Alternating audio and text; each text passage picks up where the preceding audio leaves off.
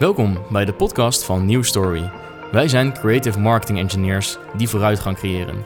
Samen met onze partners werken onze multidisciplinaire teams elke dag aan het volgende hoofdstuk van een digitale evolutie. In een wereld die versneld verandert en innovaties elkaar in een rap tempo opvolgen, is dat een fascinerende reis, zonder eindbestemming. Ga je mee? Luister naar onze podcast. Daarin vertellen we regelmatig over onze uitdagingen en oplossingen. Welkom, mijn naam is Koen Strijbos, marketingstratege bij New Story en jullie host voor een reeks podcasts waarin we vertellen hoe we merken bouwen en ervoor zorgen dat ze relevant blijven in een snel veranderende wereld. Leer van onze ervaringen en natuurlijk ook van onze fouten. Vandaag spreek ik met Michiel Daumans, Head of Strategy bij New Story en gaan we het hebben over de Positioning Map. Oftewel, hoe wil je bekend staan in de markt en wat moet je weten voordat je kunt positioneren. Welkom, Michiel. Dank je, Koen. Ehm, ja, eerst, wat, wat is die positioning map precies? Wat houdt het in? Ja, dat is uh, uh, voor heel veel mensen die in het vak zitten relatief uh, bekend terrein. voor de mensen die er wat minder bekend mee zijn, is de vergelijking met DNA denk ik het mooiste. Dus uiteindelijk definieert DNA hoe je uh, als mens in dit geval uh, jezelf ontwikkelt. Hè, dus welke groei uh, je gaat krijgen afhankelijk van de omstandigheden en afhankelijk van het doel. dus handen, voeten, armen, haren ontspringt allemaal uit DNA. en uiteindelijk bepaalt het heel erg de kleur, letterlijk en figuurlijk in sommige gevallen, van nou, hoe je eruit komt te zien. Dus hoe je jezelf manifesteert. En wat we met positionering doen, is feitelijk een DNA-definitie maken van de organisatie. Hoe willen we bekend staan? Uh, hoe gaan we onszelf erop aansturen? Uh, en uiteindelijk proberen we dat te verankeren in een positioning map. Nou, dat is een duidelijk verhaal. Geen spel tussen te krijgen. Dus ik denk dat we meteen eh, in kunnen duiken. Hoe werkt het? Hoe pakken we het aan? Ja, nou uiteindelijk uh, begint het met, denk ik, een inzicht dat je niet alleen staat op de wereld. Er zijn natuurlijk in de regel concurrenten. je hebt te maken met stakeholders, met, met je doelgroepen. En daar moet je gaan aansluiten op, op die groepen, op je doelgroepen en op de stakeholders. En natuurlijk naar de concurrenten kijkende moet je een verschil maken. Dus ben je beter in dezelfde claim of moet je een andere claim maken? Dus uh, we gaan altijd eerst een, een, studie doen van de doelgroepen. Uh, wat vinden zij belangrijk? We kijken naar de stakeholders en dan uiteindelijk dus die concurrenten. Ja, dus bij de concurrenten uh, pakken we vaak dan de website erbij. Het stukje over ons. kijken we een beetje wat voor gevoel zij willen neerzetten. Um, en ja, geeft dat stiekem toch ook vaak bijzondere inzichten. Um, maar eigenlijk vaker nog dat je ziet dat een hele hoop bedrijven toch hetzelfde doen. Ja, en dat ook uh, de meeste bedrijven ook niet hun concurrenten scherp hebben. Want dat vind ik ook altijd wel opvallend. Um, dat bedrijven zeggen, nou wij zijn de enige die, die dit doen op een bepaalde manier. En dan kijk je bij drie concurrenten en doen ze precies hetzelfde. Ja, verwoorden ze dan uh, op dezelfde manier. Ja, ja, en dan denk je van, goh, uh, hebben jullie nooit bij de concurrenten gekeken? Um, nou hebben we daar ook een sessie voor waar we echt inzoomen op de concurrentie en de positie en hoe ze zichzelf laten zien. Maar als je zelf gaat positioneren, ja, dan moet je wel eens kijken wat anderen ook doen. wil je kunnen gaan, gaan neerzetten. Ja, en je moet je altijd positioneren tot iets of iemand anders ook. Ja, om precies. onderscheidend te blijven. Ja. Uh, dus kijken wat kun je van leren, waar kun je ze ver, uh, verslaan. Um, maar ook kijken we uh, weer terug naar die trends die we hebben opgehaald in de Explore Map. Ja. Ja, dat is denk ik uh, iets wat uh, uh, nou, een, een, toevoeging is, of ontwikkeling is eigenlijk van de sessie. want we zitten in die snel veranderende wereld. En als je kijkt naar de verschillende markten waarin we actief zijn, zie je dat verschillende trends van invloed zijn. De ene keer is de digitalisering heel dominant en de andere keer zijn andere trends dominanter. dus als we kijken naar de positionering, dan vertrekken we tegenwoordig eigenlijk vanuit het perspectief van, goh, welke trend is nou leidend? Dus als je kijkt naar het belangrijkste ja, op dat ja, moment? Welke golf wil je uiteindelijk voorop komen te staan? En op basis daarvan, eigenlijk vanuit die, die beweging, gaan we kijken, oké, okay, wat is dan de sterkste positionering, rekening houdend met je doelgroep en je concurrenten? Ja, dat is uh, helder. En misschien uh, gaat het nog iets meer tot de verbeelding spreken als je een voorbeeld kan noemen. Nou, ik denk dat het makkelijkste uh, idee voor de meeste mensen is, uh, als je denkt aan bijvoorbeeld Apple, uh, dan heb je echt fanboys, mensen die geloven in Apple. en ze hebben onderzocht met een MRI-scan zelfs dat hetzelfde centrum in je hoofd aangaat als bij geloof. dus mensen geloven letterlijk en figuurlijk in Apple. En je hebt allerlei associaties die eigenlijk uh, loskomen op het moment dat je uh, aan Apple denkt. Um, en zeker als je fan bent, hè, dan denk je aan premium en de beste spullen. En, en dat alles goed op elkaar aangesloten is en lekker werkt. En dat het mooi is en nou ja, het beste is wat je kunt kopen. en dat zijn niet de producteigenschappen per se. Dat is eigenlijk de merkassociatie die je hebt. Dus de beleving van iets. En wat een positionering doet, is eigenlijk los van de precieze inhoud zeggen: dit is de beleving, de associatie die jij moet krijgen als je denkt aan, aan ons. Ja, en ook de beleving die je dus mee wilt geven als bedrijf. Als je, als je erover na mag denken aan de voorkant, dan uh, doe, doe, je dat bewust. Um, en dan ga je nadenken van ja, wat moeten mensen uiteindelijk inderdaad uh, voelen of denken of, of, vinden als ze ons logo zien of als ze ons merk tegenkomen. Oké, en vanuit die, die leidende trend, wat, uh, wat, hoe pakken we het vervolgens op? Nou ja, dan gaan we dus kijken van als we die trend beetpakken en we weten wat concurrenten doen, hè, want dat blijft een heel belangrijk ja. spiegelstuk. Dan zeggen we ja, wat, wat is onze ambitie? Dus wat willen we uiteindelijk nastreven? welke impact willen we maken in, in de wereld? Ja, is feitelijk wat, wat wil je bereiken? Wat is het purpose van het bedrijf? Ja, een soort purpose inderdaad. Ja, ja. En dan uiteindelijk, als we dat uh, hebben gedefinieerd, dan kijken we naar buiten. Uh, dat gebeurt eigenlijk binnen de muren, die ambitie. En dan zeggen we, ja, welke beloften doen we dan die personen? En dan kijken we dus niet meer naar de concurrenten, maar dan kijken we de andere kant op. En dan kijken we naar de personenprofielen die we hebben opgehaald. En zeggen, ja, wat vinden zij belangrijk en hoe kunnen we daar zeg maar iets, iets uh, nou ja, verkopen of, of aanbieden in de belofte, waardoor ze zeggen, ja, dit is wat ik nodig heb. That's me. Die belofte vind je vaak terug als een soort tagline uh, payoff op de website. Ja, ja, ja, dus de definitie die wij in de positionering opnemen is niet een, een helemaal, uh, zeg het, afgelikte, gelikte, gelakte payoff. Ja. uh, maar het is eigenlijk nou ja, de, de, de voorzet die de payoff uiteindelijk door een copywriter bijvoorbeeld gemaakt kan worden. Nog verder wordt vrijgeslepen. Oké, ja, dan heb je een mooie tekst op je website. maar hoe geven we dit uiteindelijk dus zetten we het kracht bij, uh, waar wellicht verder in het proces een designer ook iets mee kan. Ja, nou dat, dat, leggen we uiteindelijk vast in, in de merkwaarden. Uh, en dat zijn er uh, tegenwoordig vijf in het model wat we nu hanteren. de eerste is de meest onderscheidende, dat is de core value. dat is eigenlijk iets wat heel erg tekenend is voor wie we willen zijn. Past ook heel vaak bij de, de ambitie en, en de belofte. dan heb je twee accentwaarden, dus de, de waarden die ons gedrag zichtbaar kleuren. Uh, die ook het verschil maken in zekere zin. En uiteindelijk heb je twee ankerwaarden, een soort base values. En dat zijn de waarden die balans brengen in wat we doen. Um, want je kunt je voorstellen als je hele sexy uh, en, snelle uh, waarden hebt, zeg maar, die accentenwaarden en eigenwaarden zijn. Ja, dan als je als een huis zou zien, ja, dan valt het huis op een gegeven moment om of hij vliegt weg.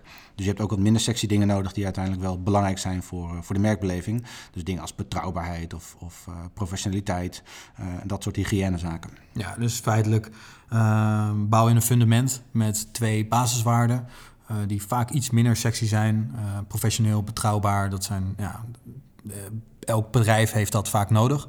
Ehm, daarbovenop zet je dan, dat zijn je twee muurtjes, twee waarden ehm, ja, die je gedrag kleuren. Dus waar je wat mee kan, wat je graag wil uitstralen, waar ook een stukje ambitie in kan zitten. Je hoeft het niet altijd per se op dat moment al te zijn.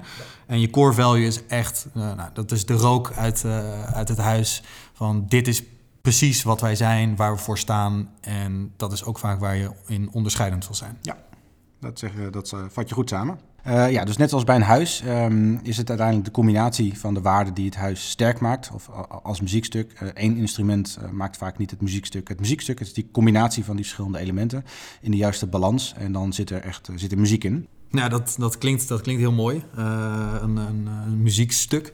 Maar laten we hem even iets concreter maken.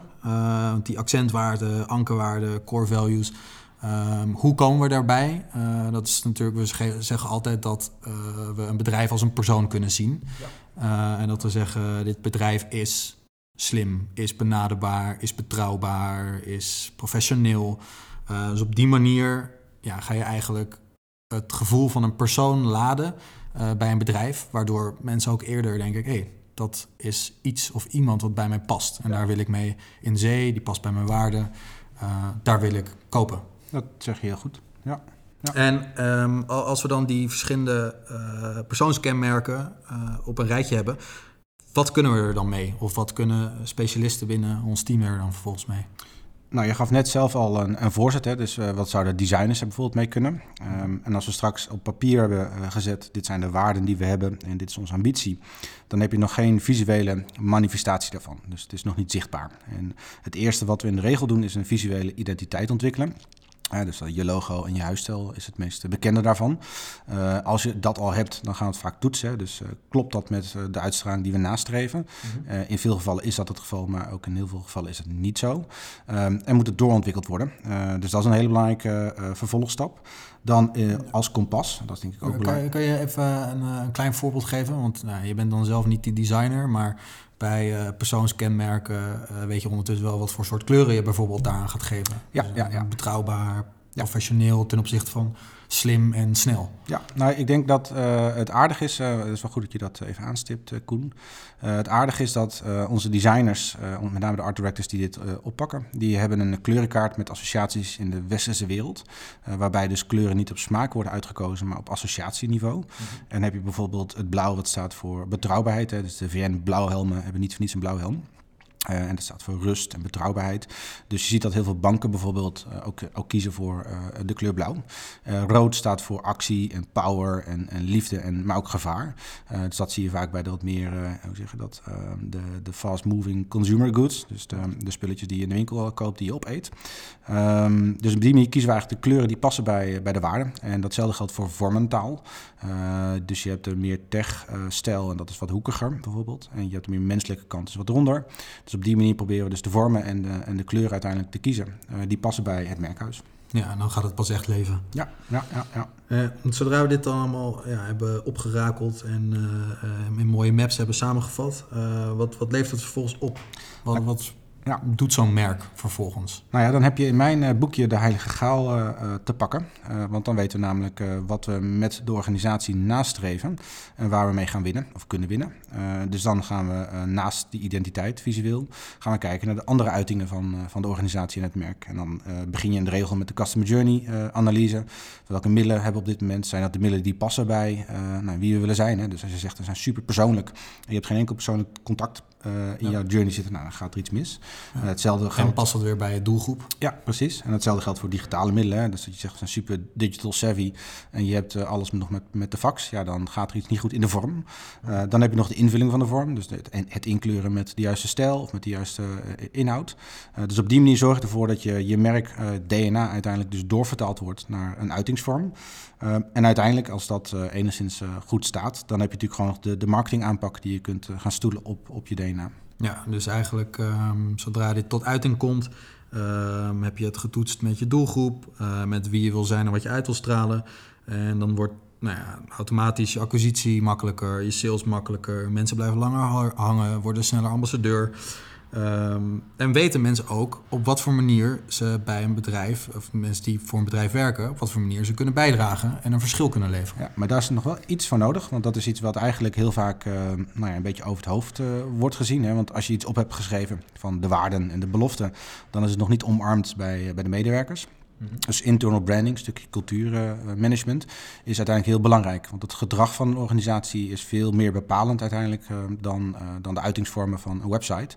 als jij een prachtige website hebt van de winkel bijvoorbeeld, en, en, de winkel ziet er aan de buitenkant ook heel mooi uit, en je loopt naar binnen en je wordt in je gezicht gespuugd, ja, dan is al het voorgaande is, niet meer van waarde. Dat is voor niets geweest. Dus dan betekent dat we dus moeten zorgen dat nou ja, ook de medewerkers uiteindelijk het juiste gedrag vertonen. En daar dus aansluiten bij, bij het merk. En dat uh, uh, lijkt me een goed verhaal voor een andere podcast. Of in ieder geval voor een ander moment. En dan denk ik dat we eigenlijk echt in rap tempo toch wel tot de kern van het positioneren zijn gekomen. En uh, ja, Michiel wil ik je gewoon meer bedanken. Ja, dat mag, uh, Koen. Dat mag. Dat snap nou. ik ook wel dat je een beetje dankbaar bent ook. Ja, dat is toch ook goed. Als we wel wat meer dankbaar zijn, dan is het toch wel veel gezelliger. Uh, ik hoop dat de luisteraars ook dankbaar zijn en het weer leuk vonden om te volgen. Uh, mocht er nou iets niet duidelijk zijn of uh, ja, wil je graag meer te weten komen, uh, neem dan gewoon contact op via strategy.newstory.nl. blijf ons natuurlijk volgen, want ja, zoals ik vaker zeg, er zullen gewoon nog veel meer interessante podcasts aangekomen. en dan heb je wellicht ons helemaal niet meer nodig. Leuk dat je naar onze podcast luisterde. Deel hem vooral in je omgeving. Daar maak je ons blij mee. Wil je meer van Nieuwstory horen? Vergeet dan niet onze podcast te volgen. Voor vragen en opmerkingen stuur je een bericht naar hello@newstory.nl.